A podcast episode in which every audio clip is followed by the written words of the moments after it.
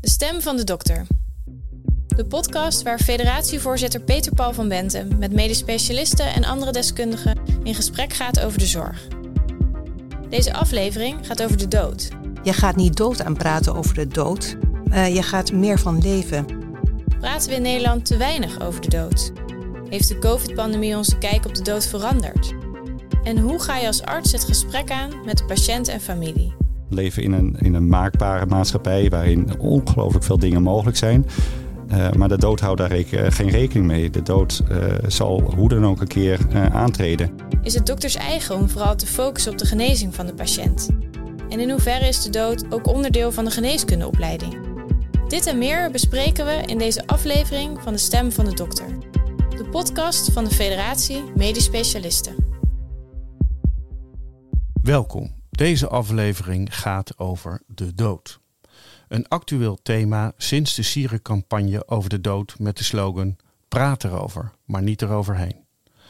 Als KNO-arts en federatievoorzitter wil ik graag meer aandacht over hoe we in Nederland omgaan met de dood. De enige zekerheid die we hebben is dat we allemaal zullen sterven. Het liefst wil iedereen natuurlijk een goede en mooie dood. En dat is voor iedereen anders. Dus wat is dan onze rol als arts in die laatste levensfase? Hoe begin je het gesprek hierover? En wanneer is het juiste moment? Artsen genezen soms, verlichten vaak en troosten altijd. Die laatste twee zijn het meest van toepassing op die laatste levensfase. En daarover ga ik dan ook in gesprek met Klassien Rebergen, huisarts en kaderarts palliatieve zorg, Esther Cornager, klinisch geriater in het Jeroen Bos ziekenhuis en Erik Geiteman, internist-oncoloog in het Erasmus MC en gepromoveerd op onderzoek naar medische interventies in de laatste fase van het leven van patiënten. Ook longarts Sander de Hosson wil dat we in Nederland meer en vaker over de dood praten. Hij heeft daarom voor ons een ongevraagd advies. Welkom allemaal. Vertellen jullie eerst maar eens eventjes wat over jezelf. Wat doe je zoal en wat is je betrokkenheid met dit onderwerp? Misschien even een kleine pitch. Uh, Erik. Dankjewel Peter Paul. Mijn naam is Erik Geitman, uh, werkzaam inderdaad als internist-oncoloog in het uh, Erasmus Medisch Centrum. daarbij doe ik onder andere de supervisie van de palliatieve zorgunit op de afdeling interne oncologie van het Erasmus. En daarnaast bezig als postdoc-onderzoeker, um, waarbij ik de zorg rond het leven zijnde probeer te optimaliseren. Dankjewel. Klassien. Ik ben Klassien Rebergen, sinds 21 jaar als huisarts werkzaam in het medisch centrum Hospoor in Houten. En ik heb daarnaast een specialisatie in de palliatieve zorg. En tevens ben ik consulent in diverse padsgroepen. Dat zijn een soort NDO's in de eerste lijn, waarin huisartsen en thuiszorg, geestelijk verzorgers, apothekers uh, hun palliatieve caseload bespreken. En tenslotte werk ik als kenarts. Hartstikke goed, maar jouw hele leven staat in het teken van de palliatieve zorg als ik het zo uh, hoor. Maar ik ben vooral huisarts. Maar je bent toch vooral huisarts. Ja, zeker. Maar je hebt zeer veel nevenactiviteit op dit gebied. Ja, precies. Ik ben huisarts met een specialisatie. Ja. En als zodanig zet ik me in voor ja. Ja om de palliatieve zorg op de kaart te zetten. Ja. Maar in de eerste plaats ben ik vooral huisarts. Ben je vooral huisarts? Hartstikke goed, dankjewel. Esther. Ik ben Esther Cornigier, ik ben uh, geriater en ook voorzitter van de Nederlandse Vereniging voor Klinische Geriatrie. Dat was ik inderdaad nog vergeten te zeggen, hè? heel Maakt belangrijk. Niet uit, dat, uh, bij deze. Um, en ja, als geriater zit je natuurlijk toch bij een heel aantal uh, patiënten in de laatste levensfase. Um, is het ook iets wat wij regelmatig bespreken. En het gesprek daarover, wat wil je eigenlijk in welke fase van je leven, is iets wat heel vaak bij ons terugkomt. Ja. Um, en eigenlijk ook aan de orde van de dag is. Dus, ja. Uh, Verlichten en troosten is jouw vak, zou ik bijna willen zeggen. Want genezen, is genezen daar nog plek we, voor nou, eigenlijk dat bij de doen we geriatrie? Ook zeker wel. Ja? ja? Nee, dat is ook zeker wel. Hè? We hebben natuurlijk ook wel patiënten die opgenomen worden ja, met een uh, sepsis. Uh, en die ja. we antibiotica geven. En die weer ja. uh, goed de deur uitgaan. Ja. Maar uh, ook helaas een aantal waarbij je wel de laatste levensfase ingegaan is. Ja. ja. Nou, om het gesprek maar eens meteen goed op gang te brengen, uh, beginnen we maar eens met de eerste stelling. We hebben er drie vandaag en de eerste luidt: In Nederland praten we te weinig over de dood. Erik, wat vind jij daarvan? Ik denk dat dat in het verleden wel het geval is geweest, maar dat het steeds meer uh, toch wel aan bod komt. En ik denk dat onder andere de sierencampagne daar een, een onderdeel van is. ik denk dat het een, een groot goed is. wat we nog wel vaak merken in de dagelijkse praktijk is dat patiënten bij op het spreekuur komen, een ernstige ziekte blijken te hebben. Ehm, en ja, dan nog nooit over de dood hebben nagedacht. Ik denk dat dat soms heel terecht is, omdat mensen nog volop en, en midden in het leven staan. en naarmate het overlijden nadert, ja, komt dan wel steeds meer het besef.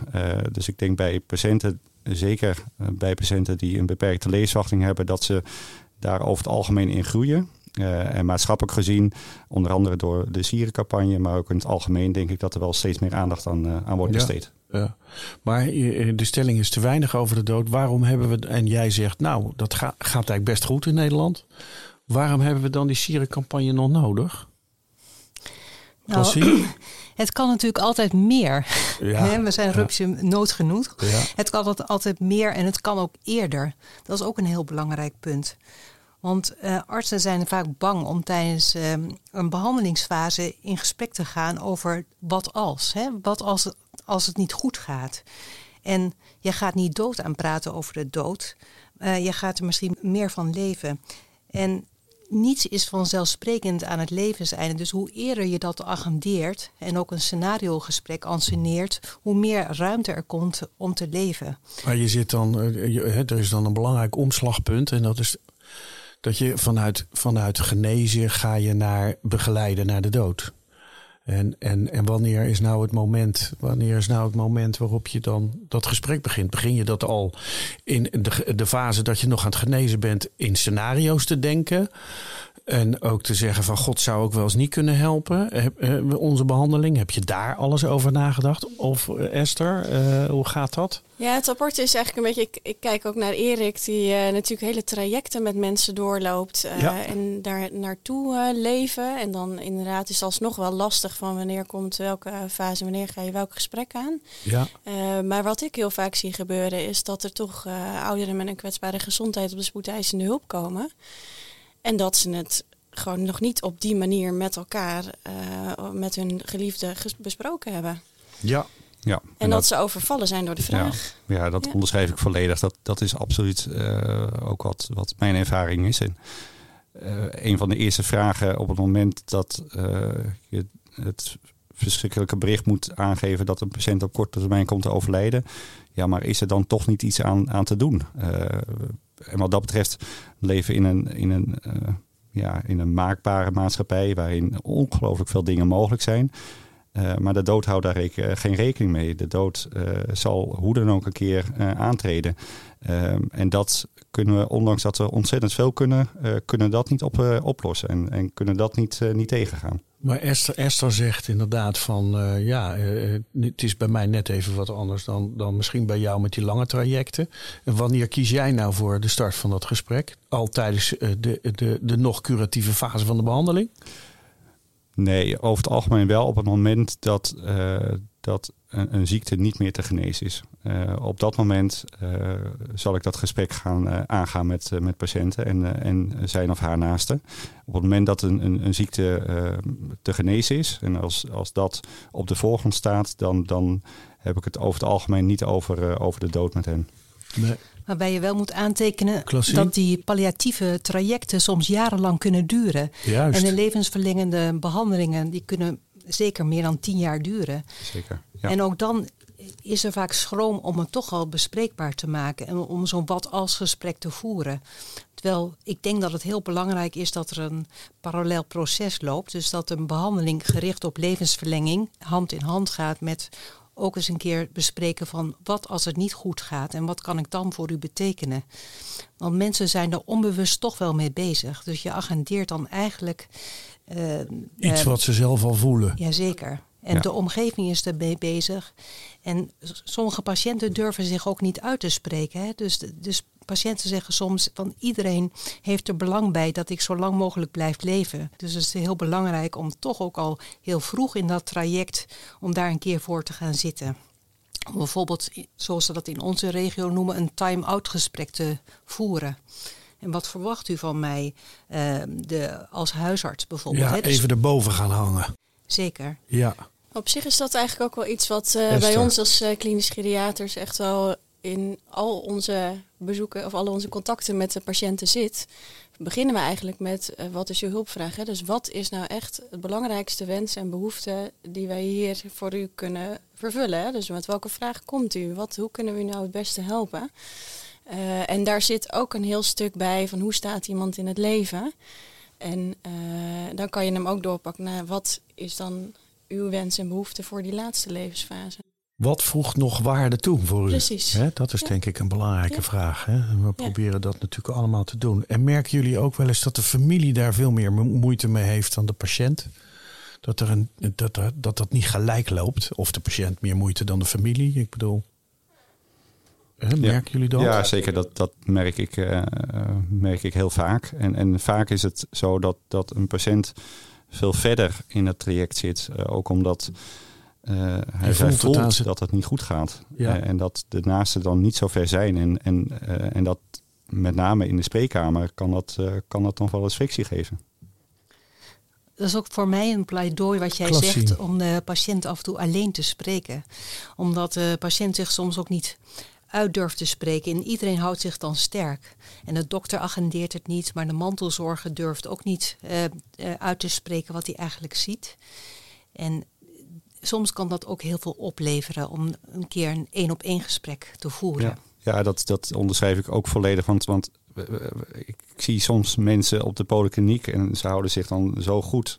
En ondertussen eh, is het aan het malen bij ze. En dan eh, wordt diezelfde patiënt enige dagen later opgenomen met een bepaalde complicatie. En dan ga je inderdaad een keer alleen dat gesprek aan. En dan is dat gesprek heel anders dan, dan een paar dagen daarvoor. Ja. Zeg, en wat je misschien in ons land ook wel ziet, hè, eh, eh, jij zei er al wat over, uh, Erik, uh, dat het in Nederland best aardig gaat. Maar we hebben natuurlijk ook nog een heleboel mensen met een immigratieachtergrond. Is, is, is dit nou iets wat cultureel bepaald is? Of zijn dit nou universele dingen? Dat alle patiënten voelen dat het, dat het op enig moment toch niet meer gaat en dat ze daar dat gesprek eens over willen? Of hoe, hoe, zien jullie dat? Ik zie jou knikken, Esther. Herken je dit? Ja, ik herken dat wel. Ik denk wel dat de meeste patiënten het wel op dezelfde manier ook aanvoelen, maar dat het eh, cultureel wel bepaald is hoe daarover gesproken wordt. Of niet over gesproken wordt. Ja. Dat wordt natuurlijk ook soms aan ons gevraagd, omdat uh, niet, niet direct, niet zo direct, hè. we zijn natuurlijk heel erg direct als Nederlanders. Um, om dat niet zo direct te bespreken. Of dat ze dat zelf met de familie uh, uh, nou, toch op een andere, wat omslachtige, voor ons, in onze ogen misschien, maar voor hen heel liefdevol bespreken. En ja. hoe ga je daarmee om? Lijkt me best lastig. Ik probeer in ieder geval de normen en waarden van de cultuur te respecteren. En ik zeg ook zelf nooit dat iemand uitbehandeld is. Want je kunt iemand natuurlijk altijd doorbehandelen. Je kunt altijd over op een symptoomgerichte behandeling. Dus door daar de nadruk op te leggen, kwets ik deze, deze patiënt of deze familie mogelijk onnodig. Dus ik zeg altijd dat mijn behandeling doorgaat gericht op symptomen. En ik maak ook gebruik van de woordvoerder van de familie. Dat kan wel vanuit mijn culturele uh, bril niet passen. Ja. Maar het gaat hier helemaal niet om mij. Het gaat hier eigenlijk om een goede dood voor degene die gaat en ook voor degene die verder moeten. Juist, ja. ja.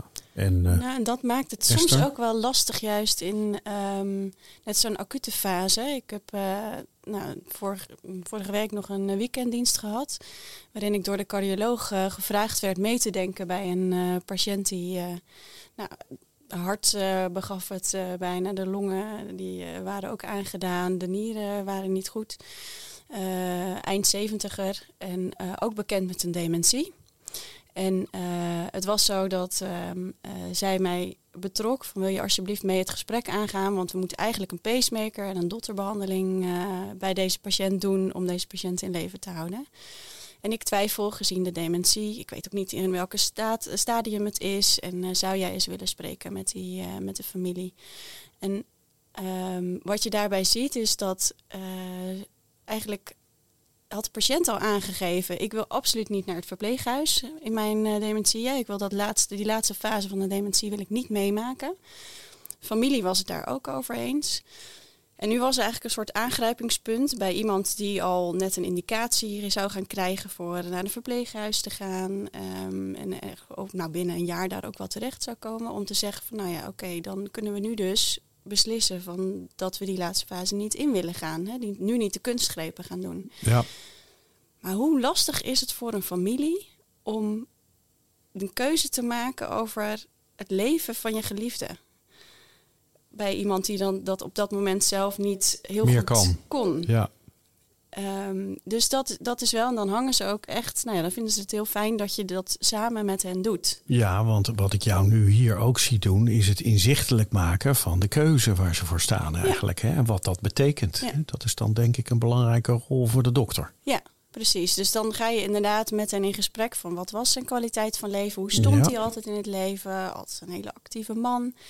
Ehm, Past dit nog wel? past dit inderdaad in hoe hij eh, het voor, Ja. zich, voor zich heeft gezien al Ja. die tijd. En uiteindelijk kon ik zelf met hem ook nog een soort een helder moment gesprek met hem voeren, waarin dat Op zijn plek ook viel. op zijn plek viel en hij ook aangaf van, nou ja, op deze manier wil ik ook niet met kunst en vliegwerk en bespaar me die laatste Ja, fase van de dementie. Ja, en Mooi eigenlijk voorbeeld. komen, Erik? komen we terug op, op ja, hoe beleven de dood. En ik denk dat dit echt een ongelooflijk belangrijk eh, punt is wat je, wat je aansnijdt. Voorheen denk ik dat de cardioloog al lang al die pacemaker had gezet. En dat er al, al die andere interventies ook waren gedaan. En dat je nu betrokken wordt als uh, klinisch geriater om, om mee te denken met dit probleem. Moeten we dit nu al doen? Ik denk dat die vraag te stellen, dat dat ongelooflijk belangrijk is. Dat dat denk ik nog niet altijd wordt gedaan, maar steeds meer gelukkig. Ik denk dat dat uh, ja, ongelooflijk belangrijk is. Ja. Ja, ja had het net over een time-out. Dus even een soort andere time-out die we dan ja. inderdaad uh, ja, even aangrijpingspunt eigenlijk. Aangrijpingspunt, hè? Een moment voor discussie. Ja, en het, het uh, geeft ook aan dat deze gesprekken bij voorkeur niet op de eerste hulp gevo gevoerd moeten worden. Daar nee. moeten natuurlijk vaak die vraag gesteld worden van wil iemand nog gereanimeerd worden? Maar dan staat de hele boel onder spanning. Onder druk. En eigenlijk wil je deze gesprekken over, ja, het zijn toekomstgerichte gesprekken, die wil je voeren op een rustig moment. Juist, en dat is een heel mooi bruggetje naar de volgende stelling, denk ik. En, uh, want uh, we hebben natuurlijk in COVID hebben we hier best wel wat mee te maken gehad met die advanced care planning waar je, hebt, waar je het over hebt. Hè. Daar is ook een mooi Nederlands woord voor. Proactieve zorgplanning. Dus de stelling gaat er dan ook over. COVID heeft extra duidelijk gemaakt hoe belangrijk het is om de behandelwensen van patiënten te weten en goed vast te leggen. Klopt dat? Ja, zei ik een inkopper na mijn inleiding. Hè? ja. Nou, ik denk eigenlijk niet. Aha, heel nee, goed. Ja, ik, ik, natuurlijk ben ik het daarmee eens. Maar wat ik nog weet van, van die allereerste fase van de, van de COVID-pandemie... is dat, uh, dat er vanuit de eerste lijn uh, kwetsbare ouderen werden gebeld... Uh, of zij wel of niet gereanimeerd zouden worden. Ja, ik denk dat dat een, een voorbeeld is hoe het niet zou moeten. Ik denk dat een, het gesprek over dit soort belangrijke zaken... dat dat een, een onderdeel moet zijn van een veel groter gesprek... over wat iemand wel of niet meer zou willen en, en, en kunnen. Um, dus deels zeker eens, maar uh, zoals het tot uitvoering is gekomen, uh, is dat het laatste. Denk ik, hè? ik denk dat Klasien hier nog wel wat over te zeggen heeft als huisarts. Zeker. Dus dat het uh, afvinklijstjes zijn, dat heeft me ook zeer, zeer gestoord. Kan ik me en, indenken. maar het heeft wel aan het licht gebracht dat het belangrijk is om een proactieve zorgplanning te doen. Om mensen te ondersteunen een beslissing te maken als hun autonomie onder druk staat. En uh, ja, je kunt, er, je kunt het niet vroeg genoeg doen. En dat heeft het aan het licht gebracht. Nou ja, wij, wij voeren dit soort gesprekken natuurlijk altijd al. En in die COVID-periode, toen het zo heel erg in het nieuws was, was dat voor ons lastiger uh, gesprekken voeren. Uh, omdat ze inderdaad zeiden, ja, ik mag zeker niet meer naar de IC toe, omdat ze vol liggen. Ja. dus er was best wel veel achterdocht uh, daarover. En ja, wat, dat hielp niet echt, laat ik zo zeggen. Um, maar goed, Mensen op zich... hadden het idee dat ze niet meer geholpen werden, terwijl ja. er mogelijkerwijs nog allerlei mogelijkheden waren. Ja, terwijl er mogelijkheden waren, um, maar ook om bepaalde anders, ook voor de COVID was het ook al niet proportioneel geweest als iemand naar de IC was gegaan. Hè? Dan ja. was het Tuurlijk. te veel schade ten opzichte van wat het op zou leveren. Ja, die Ja. afwegingen hebben we Ja. niet anders gemaakt. Nee. Gelukkig Nee. zijn we nooit in die, die fase gekomen waarin we strikter hadden moeten selecteren. Hè. Daar hebben we natuurlijk met z'n allen ons best voor gedaan om dat, om dat te vermijden. Dus die afwegingen zijn altijd dezelfde gebleven. Ja, voor onze groep zeker ook. eh, Ja. ja. Heel goed. Maar de gesprekken kosten veel tijd. En je moet je wel afvragen van wie voert die gesprekken. Wat mij betreft hoeft dat niet ook alleen door de dokters gedaan te worden. Het kan prima bijvoorbeeld door verpleegkundige eh, specialisten die er hierin getraind zijn. Om, om, om eh, goed, patiënten goed voor te lichten over de uitkomsten van, van bepaalde interventies. En om heel goed eh, stil te staan, wat is nou belangrijk voor u? Hè? De waarde waarvoor iemand staat. Hè? Wat is nou belangrijk in, Ja. in iemands leven? Wat voegt nog waarde toe? Ja. Ja, misschien moeten we zelfs nog wel daarvoor kijken naar eh, het gesprek die, eh, die mensen met elkaar hebben. Eh, het voorbeeld wat jij net noemde, Esther, van, op de spoedeisende hulp van die patiënt of, of inmiddels eh, al op de verpleegafdeling. Ja, wat, wat wil die patiënt nu eigenlijk allemaal nog? En ik denk dat als je als naaste al een keer eerder een gesprek hebt gehad eh, met je dierbare, dan, dan kan dat gesprek zoveel beter en zoveel gemakkelijker eh, verlopen. En ook die keuze die uiteindelijk gemaakt moet worden, ja, die is gebaseerd op het, hetgeen wat, wat die patiënt ooit, dus die dierbare ooit gezegd heeft. Nou ja, dat is eh, natuurlijk heel belangrijk. Want dat Ja. organiseert draagvlak bij iedereen die erbij betrokken is. Zeker. Ja, En dat was natuurlijk wel moeilijk tijdens COVID. Want toen hadden, eh, eh, mochten er, mocht er geen familie op de afdeling en zo. Eh, nou ja, Esther, jij hebt heel hard op die COVID-afdeling meegeholpen. eh, volgens mij in het Jeroen Bos ziekenhuis. Hoe, hoe kon je dan op zo'n moment goed afscheid nemen van dierbaren en dit soort gesprekken voeren? Dat was eigenlijk niet mogelijk. Nou, we maakten wel uitzonderingen voor eh, dit soort gevallen hoor. Want als, als we echt zagen dat het einde nabij was, dan eh, werd daar wel echt een uitzondering gemaakt dat mensen erbij mochten. En in de latere fase kon natuurlijk sowieso iedereen erbij. Maar alleen echt in die eerste golf was er eh, tekort aan middelen Ja. en Ja. was dat penibel. Ehm, nee, dus we hebben dat wel altijd betrokken. En anders heb je natuurlijk ook nog andere mogelijkheden met eh, of beeldbellen of, of telefonisch contact. Maar het liefste doe je dit natuurlijk wel face-to-face.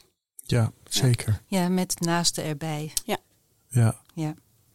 Heb jij die ervaringen ook, Erik, in de COVID-periode? Ja, ook zo. En, en eh, met name het, het kunnen vasthouden van je dierbaren, eh, het, het knuffelen, ja, dat, dat is er niet bij geweest. En dat is, eh, en dat, er zijn ook um, een aantal onderzoeken naar, eh, naar gedaan, naar uh, hoe de uiteindelijke nabestaanden het overlijden hebben ervaren. En, en dat is echt stukken minder dan hoe het overlijden normaal gesproken wordt Ja. ervaren.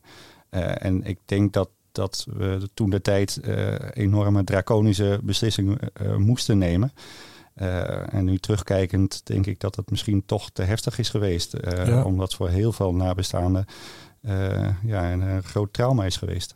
Dit is een van de belangrijke lessen, denk ik, hè, die we hebben getrokken uit ook. de COVID-periode. Ja. Zijn er nog andere lessen die we dienaangaande hebben te trekken uit die periode ten aanzien van deze laatste levensfase, proactieve zorgplanning? Nou, het is op zich natuurlijk wel goed dat er nu uh, dat er een bewustwording is gecreëerd in de, in de maatschappij om, om over dit soort dingen na te denken. De urgentie is het natuurlijk voor een heel aantal nu wel af. Dus het is goed dat er een landelijke campagne is om het weer onder de aandacht uh, te brengen. Maar wat ik wel ook merk is dat er uh, er wordt heel veel, je kan heel veel voorbereiden. Ik denk dat het heel goed is ook om vroeg voor te bereiden. Maar dat er ook nog best wel eens op het moment suprem, als iemand echt acuut in nood is thuis, dat of uit paniek de verzorging instuurt of een familielid. Of, dus we, we kunnen veel uh, voorkomen door dat vroeg te bespreken, maar niet alles. En, uh, Plus dat er ook nog een, een moment is aan het einde waarop mensen tot andere inzichten kunnen komen. He? Dat heb ik nog niet gehoord. Nee, Zeker het is in natuurlijk de... niet in beton gegoten. Ja. Dus je legt het wel vast in een dossier. Maar dat is ook vaak in een spoedsituatie tijdens mijn dienst op de huisartsenpost niet voor, voorhanden. Die informatie. Daar kunnen we, zouden we ook nog een les uit kunnen trekken. Hè? Dat die informatie zou je eigenlijk met de bij de patiënt willen hebben. En je wilt die eigenlijk ook inzichtelijk hebben. Zowel in de eerste lijn als wij dienst doen als in de tweede lijn. Dus, en, uh, maar het is wel zo dat als je het al eens een keer hebt besproken dat je daarop terug kunt vallen als het wel inzichtelijk is. Dus bij een eigen patiënt bij wie ik dan aan het bed sta in een spoedsituatie, kan ik wel teruggrijpen op een eerder gesprek. Ja. Dat heb ik ja, zeker. Bijvoorbeeld een patiënt met hartfalen die eigenlijk helemaal niet meer wilde, uitvoerig besproken met haar dochters dat we haar niet meer zouden insturen. Ze was draaideurpatiënt. Ja. En op het acute moment grijp ik daar dan op terug. En de dochters vonden het heel erg moeilijk om moeder los te laten. En dan spreek je eigenlijk af uh, dat je haar niet meer instuurt. En, en dan grijp je terug op dat eerdere gesprek. Maar daarvoor is gegevensuitwisseling cruciaal. Ook hier blijkt maar weer hoe belangrijk dat is voor de kwaliteit en patiëntveiligheid. Hè? Zeg, we gaan eens luisteren naar het pleidooi van Sander de Hosson. Longarts Sander de Hosson is dé persoon als het gaat om de dood en vooral ook praten over de dood. Nou, maak het bespreekbaar in de spreekkamer, de woonkamer en de Tweede Kamer, zegt hij. Nou, daarom heeft hij voor ons een ongevraagd advies. Als uh, longarts uh, kom ik uh, veel patiënten tegen die longkanker hebben, vaak ook stadium 4. Dat betekent dat we ze niet kunnen genezen. Vanuit de opleiding heb ik altijd wel geleerd om ze dan chemotherapie te geven en immunotherapie. Ik ben eigenlijk vooral benieuwd met welk doel dat nou eigenlijk is. Is dat nou het verlengen van het leven of is dat het bieden van kwaliteit van leven? Ik denk uh, als ongevraagd advies in deze dat wij veel meer moeten inzetten op uh, kwaliteit van leven als eindpunt van de behandelingen. En die, uh, dat overlevingsvoordeel, wat vaak maar heel beperkt is, waar heel veel waarde aan wordt gehecht, ook in wetenschappelijk onderzoek, moeten we misschien iets minder belangrijk gaan vinden. En ik ben benieuwd wat de gasten daarvan vinden. Erik. Ik denk dat, uh, dat Sander daarin uh, helemaal gelijk heeft. Dat, dat hij aangeeft dat zeker bij mensen die een ernstige ziekte uh, hebben, die daar niet van kunnen genezen, dat je veel meer dan gebruikelijk de standaardbehandeling die er voor die ziekte dan is, in te zetten. Dat je veel meer moet kijken, past dat bij deze patiënt? doen we daar goed aan? en ik denk dat het twee belangrijke zaken uh, voorop staan bij um, de inzet van die therapie. Eén, die levensverlenging, maar anderzijds absoluut kwaliteit van leven. En ik, ik denk dat het laatste, uh, wat Sander ook aanstipt, dat dat nog te weinig wordt meegenomen. gelukkig zijn er al een aantal onderzoeken die daar wel naar kijken. een voorbeeld is um, een onderzoek bij patiënten met een uitgezaaide vorm van alvleesklierkanker waarbij normaaliter uh, een vorm van chemotherapie wordt ingezet om daarmee uh, iemand zo lang mogelijk in leven te laten houden. Waarbij er nu een onderzoek wordt gedaan. Nou, laten we misschien kunnen beter wachten totdat iemand symptomen krijgt en dan te starten met die therapie. Ten opzichte van nu dus de standaard. Iemand wordt gediagnosticeerd en er wordt dan gestart met die therapie. Want die therapie is ook geen uh, pretje. Die therapie is absoluut geen pretje. Die therapie... En als die, een, een, patiënt nog geen klachten heeft of beperkt klachten heeft, dan maak je hem alleen maar zieker. Ja, die betreffende chemotherapie die uh, leidt gemiddeld genomen een, een aantal maanden uh, levensverlenging. waarbij die patiënten elke twee weken, drie dagen een, een chemokuur krijgen. Ja. waarbij vrijwel iedere patiënt aangeeft in die eerste week van die therapie ehm, vrijwel niets te kunnen doen. Ja, en is dit nou is dit wat je nu vertelt? Want dat komt er zo makkelijk uit. Is dit ook onderdeel van jouw onderzoek geweest? Nee, dat is uh, geen onderdeel van mijn onderzoek geweest. Maar ik ben stiekem wel een beetje jaloers op degene op die, uh, die, die dit initiatief hebben, hebben gedaan. En ik denk uh, een ongelooflijk belangrijk initiatief. En ik, ja. ik denk dat niet alleen binnen de binnen oncologie, maar ook uh, binnen andere takken uh, van, uh, van de gezondheidszorg, dat er hier gelukkig ook steeds meer aandacht aan wordt besteed. Ja, want wat was even kort ook alweer datgene wat jij op dit gebied hebt onderzocht? Ik heb in mijn proefschrift gekeken naar de medische interventies aan het einde van het leven. Of die wel of niet ingezet zouden moeten worden. Waarbij ik onder andere heb gekeken naar het medicatiegebruik in de laatste fase van het leven. En wat opvallend was dat er heel veel mensen tot aan het overlijden heel veel medicatie gebruiken. En ook heel veel medicatie die in die fase van het leven geen enkele nut meer, meer heeft. Geen waarde meer toevoegt. Geen enkele waarde. Nee. Heel belangrijk, denk ik, ja. Zoals statines ja, en dergelijke, denk ik. Hè? Ja, ja precies, ja. dat wil ik ook en, zeggen. En, en ik, ik, zeg niet dat het fout is, uh, maar ik vind wel dat het belangrijk is dat het een keer wordt besproken met, uh, met mensen. En, en als iemand het toch op staat om toch die medicatie door te, door te gebruiken. Sommige mensen hechten daar hun waarde aan. Juist. Dan vooral daarmee doorgaan. Maar het moet gewoon een keertje besproken worden. Ja, ook weer een time-out zou ik Precies, zeggen. ja. De time-out medicatiegebruik in deze laatste levensfase. Ik zie de dames allebei knikken. Ja. Klassie. Ja, wat Sander eigenlijk zegt is dat je niet alleen maar ziektegericht moet denken, maar eigenlijk moet denken vanuit de zieke. En, eh, of vanuit de, uit de persoon. En een persoon heeft natuurlijk lichamelijke klachten en je, je behandelt de ziekte.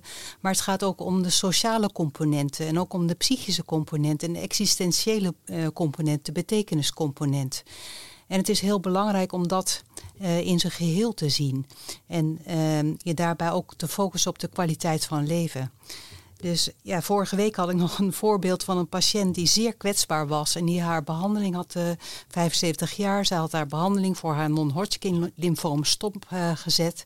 en ze zei tegen haar specialist, eh, nou ik wil niet meer van scan naar scan. En de specialist antwoordde, nou ja, het is uw lichaam. En eh, zij belde mij op om te zeggen dat ze eigenlijk eh, ja, zich een slechte patiënt had gevoeld. en ze wilde eigenlijk weten wat ik ervan vond. En wat ik dan hoop dat- die specialist in de toekomst gewoon zegt van eh, wat moedig van u. ehm, het is uw leven. Niet het is uw lichaam, maar het is uw leven. Ja, En want het gaat om toevoegen van waarde aan het leven. Ja. Ook in de laatste fase. Ja. Juist in de laatste fase. dat is ontzettend. Nou, eigenlijk hoop ik zelfs dat, dat de specialist zelf het gesprek daarover ook aangaat. ja. Dus dat het niet alleen vanuit die patiënt moet komen die dan maar elke keer tegen zo'n scan aanhikt. Zoals jij dat als specialist doet. Nee, ja, dat probeer ik wel te doen, ja. Ja. Ja. Want als we nou kijken naar de laatste stelling. De focus van artsen is te veel gericht op het genezen van patiënten. Helemaal mee eens. Maar ja, zo worden we ook opgeleid. Ja. En dat wordt nu ook wel eh, steeds meer, hè, dat ook palliatieve fase en kwaliteit van leven in de opleiding terugkomt. Ja. Maar ik heb heel veel eh medebehandelingen, consulten gedaan, waarbij ik zag dat collega's eh, en maar doorbleven behandeling, doorbleven behandelen. Waarbij de verpleging, dat vond ik dan wel eh, mooi om te zien en opvallend, de verpleging vooral aangaf van willen jullie alsjeblieft helpen, want wij denken dat deze patiënt niet lang meer te leven heeft en wij moeten nu nog een zonde eh, gaan eh, starten bij deze patiënt. ja. En ja, Kortom, verplegingen is- zijn onze ogen en oren. En dus Ja. ook met wat de patiënt aangeeft. Ook met in welke fase diegene zit. We moeten daar meer naar luisteren. We hebben het natuurlijk al gehad over advanced care planning en proactieve zorgplanning, zoals het dan in goed Nederlands hoe, eh, heet. Maar hoe zouden we dat nou goed vorm kunnen geven in de geneeskundeopleiding en de diverse medisch specialistische vervolgopleidingen? Wie mag ik daarover het woord geven? Klassie. In de huisartsenopleiding heb je een meester-gezel-constructie. Ja. waarbij de huisarts in opleiding deze gesprekken voert. En ook moet voeren. Dus ik, en het belangrijkste is om het gewoon te doen. Hè? Dus- Dus, en, en die gesprekken worden ook nabesproken. Juist. Dus belangrijk is ook dat, dat huisartsen in opleiding leren dat je gaat zitten. Dat zitten evenveel tijd kost als, als staan. Dat je eigenlijk je mond dicht houdt en luistert. Ja. En dan ziet wat er komen gaat. Inform en, en helemaal niet meteen start bij, bij de dood, maar eerst start bij hoe het nu met iemand gaat. En ik denk dat het belangrijkste is eh, dat- dat het in de opleiding ingebouwd wordt, dat je het gewoon gaat doen. En eh, dat het misschien afgetekend gaat worden, maar dat je gewoon leert in de praktijk en dat je er niet omheen gaat. Ja. ja, dus praat erover inderdaad. Hè, wat ook onderdeel is van die sierencampagne. Het is niet iets op zichzelf staand, dat proactieve zorgplanning. Dus Ja. het is niet zo, oh, we gaan nu aan proactieve zorgplanning doen. Nee, ik denk maar- dat het, een, een- het moet een integratie zijn van je, van je dagelijks werk. Ja. Nee, maar goed, het maar gaat natuurlijk ook... Ja, Esther? gespreksvoering is denk ik wel iets wat je kan trainen of kan oefenen. Zoals we in de geneeskundeopleiding ook het slecht nieuwsgesprek eh, geoefend hebben met communicatielessen. Zo zou je ook zo'n eh, al- nou, shared decision making gesprek bijvoorbeeld of advanced care planning gesprek eh, met elkaar kunnen oefenen. En eh, als je dat eenmaal in je vervolgopleiding eh, graag van iemand het meester gezel, dan moet je ook als meester het zelf goed beheersen. Dus stel dat je dat nou binnen je eigen specialisme niet hebt, zoek dan een andere specialist. Eh, dat hoeft niet binnen je eigen vakgebied te zijn die dat wel beheerst. Eh, Ja. Ik ben het daar absoluut mee eens. En ik denk dat, dat, dat mijn boodschap met name is, dit moet een, een vast onderdeel zijn van de zorg in zijn algemeenheid. En ik denk dat het ongelooflijk belangrijk is dat ze daar de studenten geneeskunde daar op trainen, uh, op oefenen. En, en met name ook de huidige medisch specialisten, huisartsen en specialisten oudergeneeskunde. En dan vergeet ik nog een heel aantal andere belangrijke specialismen. Maar ik denk dat het, uh, dat het inderdaad een onderdeel moet zijn van de, van de gewone zorg.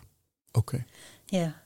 Want er wordt, er wordt heel vaak heel ingewikkeld gedaan over dit soort gesprekken. Terwijl ik denk dat de boodschap moet zijn dat je, dat je het gewoon moet doen. Dat je gewoon moet, moet gaan zitten en, en, en, ehm, en het gesprek aan moet gaan. En eigenlijk zou je ook opdrachten. Wat, wat ik doe bij huisarts in opleiding is een opdracht geven. Nou, informeer eens. Wat, wat heeft iemand voor beelden bij een sterfbed? He, want die, want die, die neem je nog mee bij je, bij je eigen sterfbed. Um, en wat is, wat is het scenario dat iemand wil voorkomen? Misschien eh, daar krijg je ook verrassende antwoorden op. Hè? Mensen zijn vaak bang om te stikken of wat dan ook. Ja. Dus ik denk dat je vooral studenten, eh, zoals jij ook eh, zegt Esther, vooral moet uitnodigen om het te doen. En ook moet laten oefenen op het droge misschien om dit, dit soort gesprekken te voeren. Ja. Dus je moet het doen en je moet het trainen. Ja, zeker. En, en wat we denk ik nog te vaak doen als behandelaar is uh, ook bij mensen met een, een, ernstige ziekte een bepaalde behandeling inzetten. Uh, waarbij uh, het woord een mogelijk aanstaand overlijden niet naar voren komt. op het moment dat, dat iemand een vorm van chemotherapie krijgt, dan, dan hebben we het over de bijwerkingen die kunnen ontstaan en, en hoeveel kuren iemand krijgt en, en hoe lang dat dan duurt. Um, maar niet dat deze ziekte uiteindelijk sowieso zal leiden tot het overlijden. En ik denk, zolang we dat, of zodra we dat wel doen, dat dat ook daarmee het, het, het uiteindelijk overlijden en, en dat traject vlak daarvoor, dat het het zoveel makkelijker maakt. Ehm, en, en wat in de Engelstalige literatuur dan wordt gezegd, um, hope for the best, prepare for the worst. Ik denk dat dat een credo is wat we, wat we vaker, met name in het ziekenhuis, uh, uh, moeten verkondigen. Uh, dat we er alles aan doen om iemands leven zo lang mogelijk te maken. Maar dat het ook heel goed mogelijk is dat een patiënt op korte termijn komt te overlijden. Ja, en als aanvulling nog daarop zou ik willen zeggen, Erik, je faciliteert ook iemand om goed afscheid te nemen van het leven. Dus, dus om nog dingen te doen die belangrijk zijn. En soms krijg je heel verrassende antwoorden. Dan zegt een patiënt dan wat nog heel belangrijk voor mij is, is om mijn auto te verkopen. Dan ben ik weer heel verbaasd en denk oké, nou dat is heel belangrijk voor u. Nou, moeten we regelen. Maar, maar ja, als je dat niet doet, dan, dan, dan sla je dat hele stuk over. Ja, want dat is ook een nadeel van het inzetten van zo'n therapie. Uh, we hadden het net uh, de uitgezaaide vorm van alvleesklier en dan de chemotherapie die dan kan worden ingezet. Op het moment dat dat wordt ingezet, dan, dan zit die patiënt inderdaad in dat stramien. Ik krijg die behandeling elke twee weken. Na zoveel tijd krijg ik een scan. Uh, en al die andere belangrijke vragen, die vragen rond het levenseinde, ja, die poppen dan niet meer op. Die patiënt die, die, die zit dan in dat stramien. Ik heb deze therapie en, en, en, en dan gaan we door.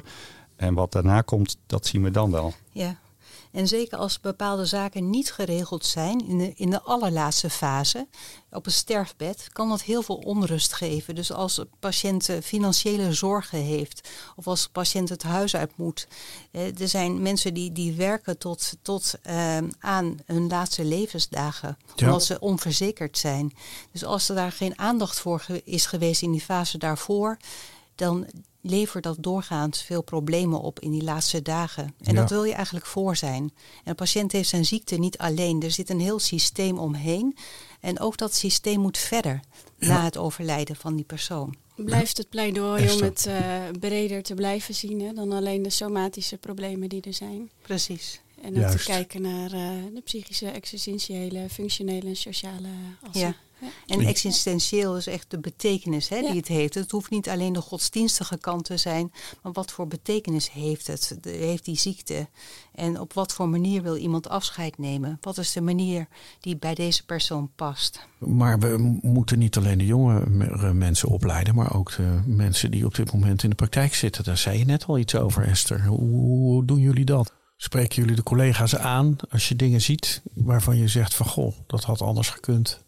Ja, als ik in medebehandeling kom en ik zie inderdaad uh, dat er maar doorbehandeld wordt zonder met de patiënt uh, te spreken of te zien dat de patiënt in de laatste levensfase is, dan spreek ik die collega daar wel op aan. Of in die zin, dan ga ik het gesprek aan. Van, Ja. hè, heb je dat gezien? En eh, wat denk je dat het beste is voor de patiënt? En, Ja, en daarin kan het- je ja. door te laten zien hoe het wel kan, of samen het gesprek te doen, eh, met de familie te laten zien hoe dat dan eh, gedaan kan worden.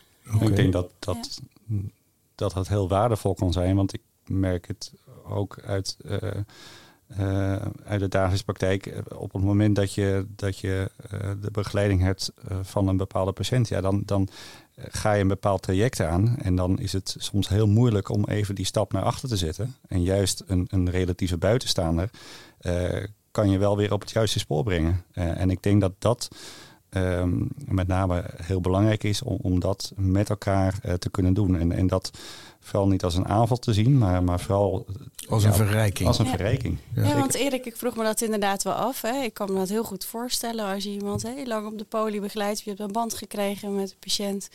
Dat het heel lastig is om op een gegeven moment eh, weer die time-out inderdaad te doen van waar staan we nu en gaan we wel verder. Is dit de juiste manier? Zeker. Vraag je dan, spar je dan met collega's of vraag je dan inderdaad echt iemand buiten je team? Of hoe, eh, hoe doe je dat? Ja, op de polykliniek eh, doen we dat denk ik niet vaak genoeg. Maar zeker als die patiënt dan is opgenomen, ja, dan, dan heb ik een bepaalde gedachte over de, de juiste behandeling voor die betreffende patiënt. En dan is het ja, ontzettend vaak dan zo dat een andere collega zegt van ja, maar we moeten dit wel doen. Ja. Dat je denkt, oh ja, jee, het, zit, zelf? het zit er gewoon onvoldoende in. Ho- Hoewel ik hier al eh 10, 15 jaar zelf notabene onderzoek naar doe. Eh, het is eh, de interactie met die patiënt die ervoor zorgt dat je dan toch vaak in die behandelstand staat. En die behandelstand in de zin eh, het maar inzetten van al die verschillende interventies. En hoe zou je dat polyklinisch kunnen inregelen dan? Want niet iedereen die komt Ja, klinisch. toch, toch af en toe die, die, die stap terugzetten voor jezelf. Van, doen we hier wel verstandig aan? En, en toch vaker ook, ook daadwerkelijk dat gesprek aan te gaan met de patiënt. Dus we Precies, zouden eigenlijk ja. in die campagne iets moeten hebben van neem die time out of zoiets. Hè? Want eh, dat hoor ik Ja. jullie op verschillende manieren met verschillende termen Ja. zeggen. Van, En bespreek het ook met collega's, hè? want dat hoor ik jullie ook allebei zeggen. Huisartsen doen dat onder andere met PATS-groepen, met palliatieve thuiszorggroepen. Daarbij bespreken ze hun palliatieve lood te- interdisciplinair. En daar, daar denk je ook na over proactieve zorgplanning. En dan bespreek je dus de patiënt in vier dimensies: somatisch, psychisch, eh, sociaal en existentieel. En heel vaak komt het erop neer dat, dat wij niet zo goed advies kunnen geven, omdat wij de patiënt ook niet kennen. Maar dat, dat we uiteindelijk zeggen, nou, ga maar weer eens het gesprek aan. En, en wat ik daarbij altijd zeg, in ieder geval tegen jonge artsen, ga zitten en probeer je mond te houden. En probeer te luisteren, want niets is vanzelfsprekend. Dus probeer uiteindelijk gewoon te horen wat die patiënt zegt en daarbij aan te sluiten. heel goed, heel goed dat je dit zegt. Zeg, ik merk aan jullie dat we hier tot diep in de nacht over kunnen praten. Maar die tijd hebben we niet.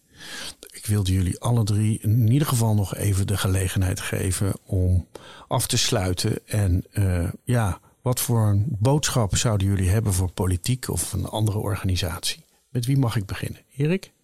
Eh, ik denk dat we nog te veel ehm, eh, het idee hebben dat de inzet van minder interventies, dat dat ook mindere zorg is. Maar juist in die laatste fase van het leven kan eh, minder zorg juist beter zijn voor een patiënt. En Andere zorg. Ja, andere zorg. Eh, andere zorg, zeker. En, en dus een patiënt in die eh, laatste fase van het leven eh, heeft inderdaad andere interventies eh, nodig, gericht op, op vaak symptoomcontrole. Heel veel minder interventies gericht op, op levensverlenging. En ik denk dat dat ook door moet klinken in de communicatie die we met, met patiënten hebben. Ehm, een voorbeeld, de, de reanimeerverklaring. Als we zeggen dat iemand niet meer gereanimeerd zou worden, eh, dan is het heel vaak eh, in de bijzin, dat heeft bij u toch geen zin meer. Nee, we doen dat niet eh, om daarmee optimale zorg te geven. En ik denk dat dat voorop moet staan, eh, zowel voor ehm, onze zorgverlener, maar met name ook richting patiënt en de naaste. Klassie. Ja, mijn boodschap zal zijn vooral van investeer in de palliatieve zorg. Dus eh, in time-out gesprekken na de diagnose, maar ook pitstops tijdens het zorgpad.